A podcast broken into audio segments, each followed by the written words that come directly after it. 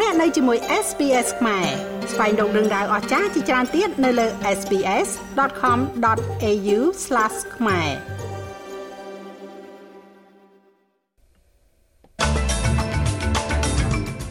កងកម្លាំងអ៊ីស្រាអែលបានធ្វើការវាយប្រហារតាមជើងគោកដ៏ខ្លាំងក្លាមកលើតំបន់កាហ្សាអតីតនាយករដ្ឋមន្ត្រីចិនលោកលីខេឈៀនបានទទួលមរណភាពហើយដោយសារកាំងបេះដូងភ្លាមៗក្នុងវ័យ68ឆ្នាំ លោកនាយករដ្ឋមន្ត្រី Anthony Albanese កំពុងជំរុញឲ្យសហរដ្ឋអាមេរិករក្សាទំនាក់ទំនងបើកចំហក្នុងការចរចាជាមួយប្រទេសចិន។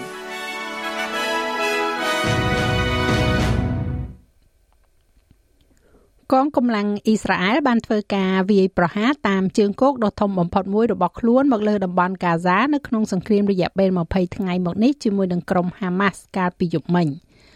លោកនាយករដ្ឋមន្ត្រី Benjamin Netanyahu និយាយថាកងទ័ពអ៊ីស្រាអែលនៅតែត្រៀមសម្រាប់ការលុកលុយនៅលើដីខណៈដែលសហរដ្ឋអាមេរិកនិងប្រទេសផ្សេងទៀតបានជំរុញឲ្យអ៊ីស្រាអែលពន្យាពេលដោយបារម្ភថាវាអាចបញ្ឆេះឲ្យមានការប្រយុទ្ធនៅលើរណសេរីមជ្ឈិមបូព៌ាផ្សេងទៀត ទីភ្នាក់ងារអង្គការសហប្រជាជាតិទទួលបន្ទុកជនភៀសខ្លួនប៉ាឡេស្ទីន UNRWA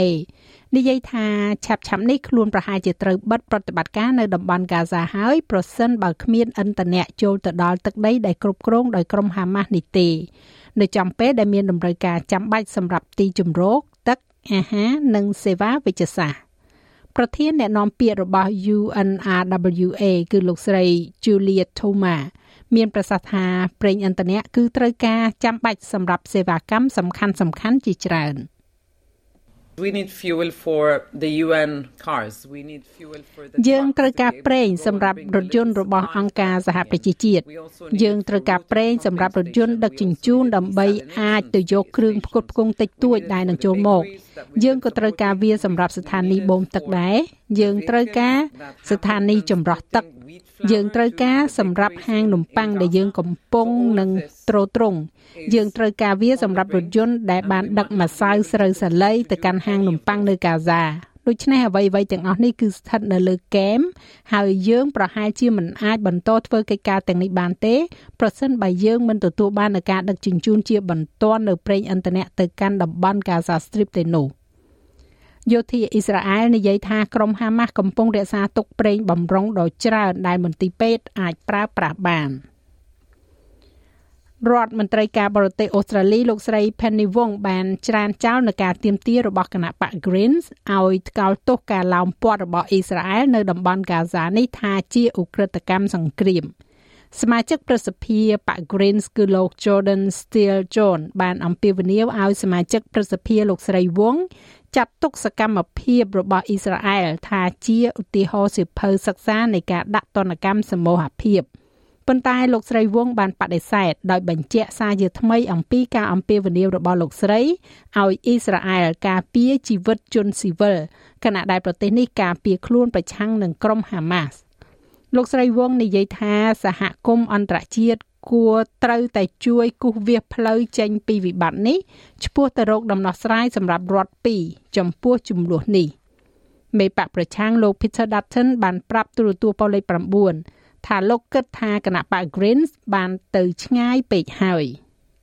The Greens have gone too far. Their hatred of Israel it seems knows គណៈបក Green បានទៅឆ្ងាយជ្រុលពេកហើយការស្អប់របស់ពួកគេចំពោះអ៊ីស្រាអែលវាហាក់ដូចជាគ្មានដែនកំណត់ហើយក្រុមហាម៉ាស់គឺជាអង្គការភេរវកម្មដែលបានចុះបញ្ជីហើយពួកគេកំពុងលើកទឹកចិត្តឲ្យមានការស្អប់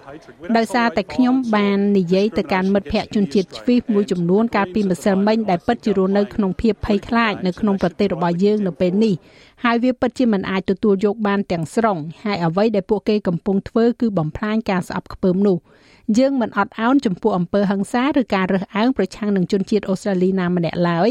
ហើយគណៈបក Green នៅពេលនេះខ្ញុំគិតថាកំពុងតែលេងហ្គេមនយោបាយហើយពួកគេគួរតែថ្កោលទោសឲ្យបានត្រឹមត្រូវសម្រាប់រឿងនេះ។ នៅឯប្រទេសចិនឯណោះវិញប្រព័ន្ធផ្សព្វផ្សាយរដ្ឋកំពុងតែរាយការណ៍ថាអតីតនាយករដ្ឋមន្ត្រីចិនលោកលីកេឈៀងបានទទួលមរណភាពហើយដោយសារកាំងបេះដូងភ្លាមភ្លាមនៅក្នុងវ័យ68ឆ្នាំលោកលីដែលជានាយករដ្ឋមន្ត្រីនិងជាបរិះខ្លាំងទី2នៅក្នុងប្រទេសចិនរហូតដល់ខែមីនានោះបានទទួលមរណភាពនៅពាក់កណ្ដាលអាត្រាតកាលពីថ្ងៃសុក្រ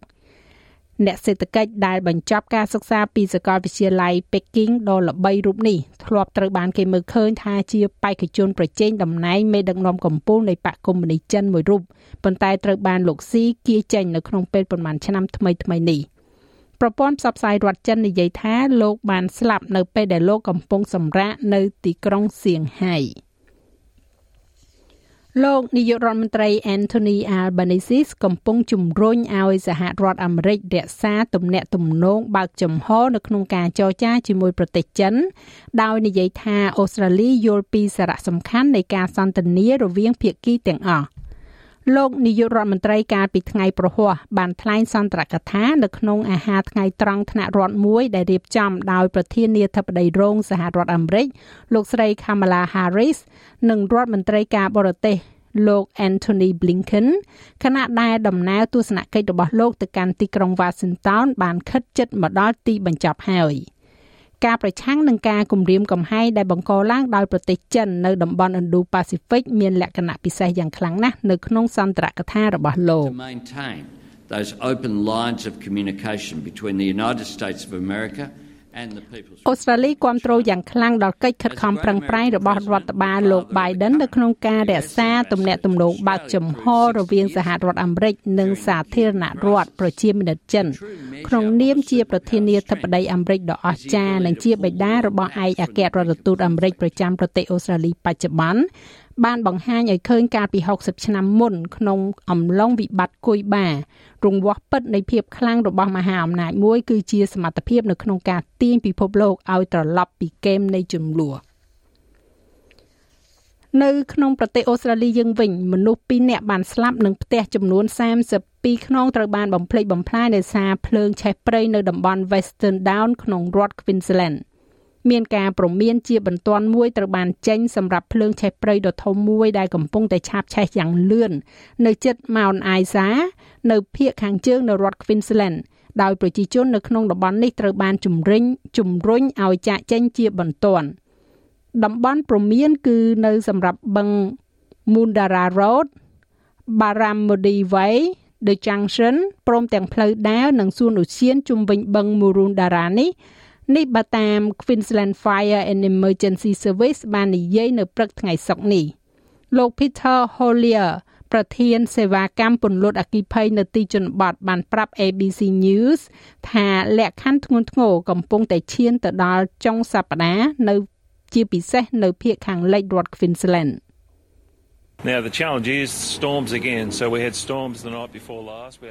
បញ្ហាប្រឈមនោះគឺថាមានព្យុះម្ដងទៀតហើយដូច្នេះយើងមានព្យុះនៅយប់ម្សិលមិញយើងមានព្យុះកាលពីយប់មិញរាល់ពេលដែលយើងទទួលបាននៅខ្យល់ព្យុះយើងទទួលបាននៅរន្ទះបាញ់ស្ងួតដែលកើតឡើង ចេញពីរន្ទះស្ងួតនោះយើងកំពុងទទួលបាននៅចំហេះថ្មីនិងភ្លើងឆេះថ្មីដូច្នេះសូម្បីតែព្រឹកនេះមានភ្លើងឆេះសរុបចំនួន20កន្លែងនៅទូទាំងរដ្ឋ ប៉ូលីសរដ្ឋ New South Wales បាននិយាយថាសាកសពមួយត្រូវបានគេរកឃើញនៅក្នុងអំឡុងពេលរុករោគបរោះបាត់ខ្លួនដែលប៉ូលីសតាមរកពីករណីដែលសង្ស័យថាជាអំពើឃាតកម្មទៅលើស្ត្រីម្នាក់វាកាលឡើងបន្ទាប់ពីសាកសពរបស់កញ្ញា Lily James អាយុ21ឆ្នាំត្រូវបានគេរកឃើញនៅក្នុងបន្ទប់ទឹកនៅកន្លែងហាត់ប្រាណនៅសាលា St Andrews Cathedral ក្នុងតំបន់ CBD ក្រុង Sydney នៅមុនពាក់កណ្ដាលអាធ្រាត្រកាលពីថ្ងៃពុធ អាញាធរបានបង្ហាញសាកសពមួយដែលត្រូវបានគេប្រទះឃើញនៅលើច្រាំងថ្មមួយនៅឯ Vaucluse នៅព្រឹកថ្ងៃទី27ខែតុលានេះក្នុងអំឡុងពេលស្វែងរកបរិះដែលបាត់ខ្លួនទោះបីជាអត្តសញ្ញាណអ្នកស្លាប់ដែលគេរកឃើញនោះនៅមិនទាន់ច្បាស់លាស់ក៏ដោយនៅសហរដ្ឋអាមេរិកប៉ូលីស រដ្ឋ Man កំពុងតែស្វែងរកកងទ័ពបំរុងអាមេរិកម្នាក់ដែលប៉ូលីសចង់ចាប់ខ្លួនបន្ទាប់ពីមនុស្ស18នាក់ត្រូវបានសម្លាប់និង13នាក់បានរងរបួសនៅក្នុងការវាយប្រហារដោយការបាញ់ប្រហារក្នុងទីក្រុង Lewiston អាញាធរនិយាយថាជនសង្ស័យឈ្មោះ Robert Card ត្រូវបានគេចាត់ទុកថាប្រដាប់ដោយអាវុធនិងមានគ្រោះថ្នាក់ហើយមិនគួរចូលទៅជិតឡើយ។ ក្រុមអ្នកស៊ើបអង្កេតមិនទាន់បាននិយាយថាតើអាវុធប្រភេទណាដែល Robert Card បានប្រើប្រាស់នៅក្នុងការបាញ់ប្រហារឬអំពីរបៀបដែលគេទទួលបានអាវុធនេះនោះទេប៉ូលីសបាននិយាយថាទាហានបំរុងកងទ័ពអាមេរិករូបនេះមានប្រវត្តិបញ្ហាសុខភាពផ្លូវចិត្តហើយបានជំរុញឲ្យអ្នកស្រុកស្នាក់នៅក្នុងផ្ទះ នៅឯប្រទេសកម្ពុជាវិញគណៈបកប្រជាជនកម្ពុជាបានចងសម្ព័ន្ធភាពជាមួយនឹងគណៈបកនយោបាយចំនួន27គណៈបកផ្សេងទៀតកាលពីថ្ងៃទី26ខែតុលាម្សិលមិញនេះលោកហ៊ុនសែនប្រធានគណៈបកប្រជាជនកម្ពុជា បានបញ្ជាក់ថាសម្ព័ន្ធភាពគណៈបកនយោបាយចំនួន28បកនេះ ដែលបានកើតឡើងគឺមិនស្ថិតនៅលើការគ្រប់គ្រងពីគណៈបកណាមួយឡើយគឺត្រូវស្មើសិទ្ធិស្មើភាពគ្នា គោរពអនុវត្តដោយស្មោះត្រង់និងយកផលប្រយោជន៍ជាតិជាធំ នៅគោលការណ៍សម្ព័ន្ធភាពនិងកិច្ចសហប្រតិបត្តិការជួយគ្រប់គ្រងគ្នាមិនធ្វើការប្រឆាំងគ្នាដោយប្រការណាមួយ រួមទាំងការមិនធ្វើការឃោសនាប្រឆាំងគ្នាក្នុងពេលយុទ្ធនាការបោះឆ្នោតនិងមិនធ្វើសម្ព័ន្ធភាពជាមួយគណៈបកនយោបាយឬក្រុមនយោបាយណា ដែលប្រឆាំង ចំពោះដៃគូក្នុងសម្ព័ន្ធភាពរបស់ខ្លួនចាស់ឲ្យលោកមេងផាឡានឹងជូនសេចក្តីរាយការណ៍លម្អិតនៅវគ្គក្រោយជាបន្តទៀតឬក៏លោកអ្នកអាចចូលស្ដាប់របាយការណ៍ពេញនៅលើគេហទំព័ររបស់យើងនោះគឺ sps.com.au/ ខ្មែរ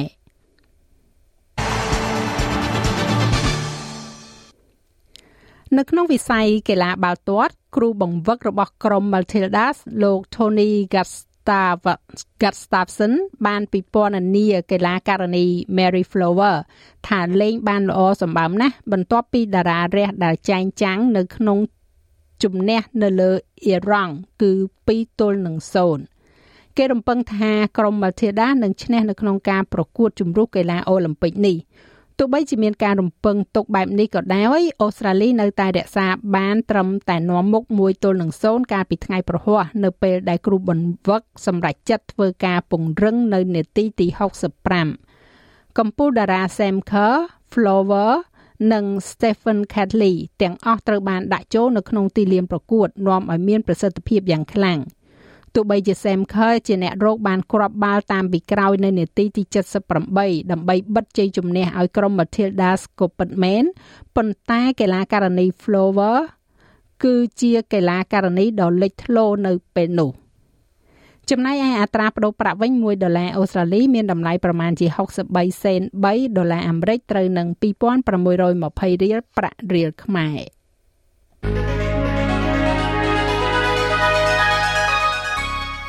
ឥឡូវយើងក៏លេខមកមើលការព្យាករណ៍អាកាសធាតុសម្រាប់ថ្ងៃសៅរ៍ស្អែកនេះវិញនៅទីក្រុងផឺតបើកថ្ងៃ26អង្សាបើកថ្ងៃដូចគ្នានៅអាដាលេដ25អង្សា នៅមែលប៊នមានពពកដោយពេល24អង្សា ហូបាតរលឹមខ្លាំងឡើង21អង្សា នៅទីក្រុងខេនបារ៉ាមានពពកដោយពេល20អង្សាស៊ីដនីមានពពកដោយពេលដូចគ្នា21អង្សា ដូចគ្នានៅ Brisbane 23អង្សាភាគច្រើនបើកថ្ងៃនៅ Cairns 31អង្សា Darwin បើកថ្ងៃ36អង្សា និងមានផ្គររន្ទះរាយប៉ាយនៅទីក្រុងភ្នំពេញ33អង្សា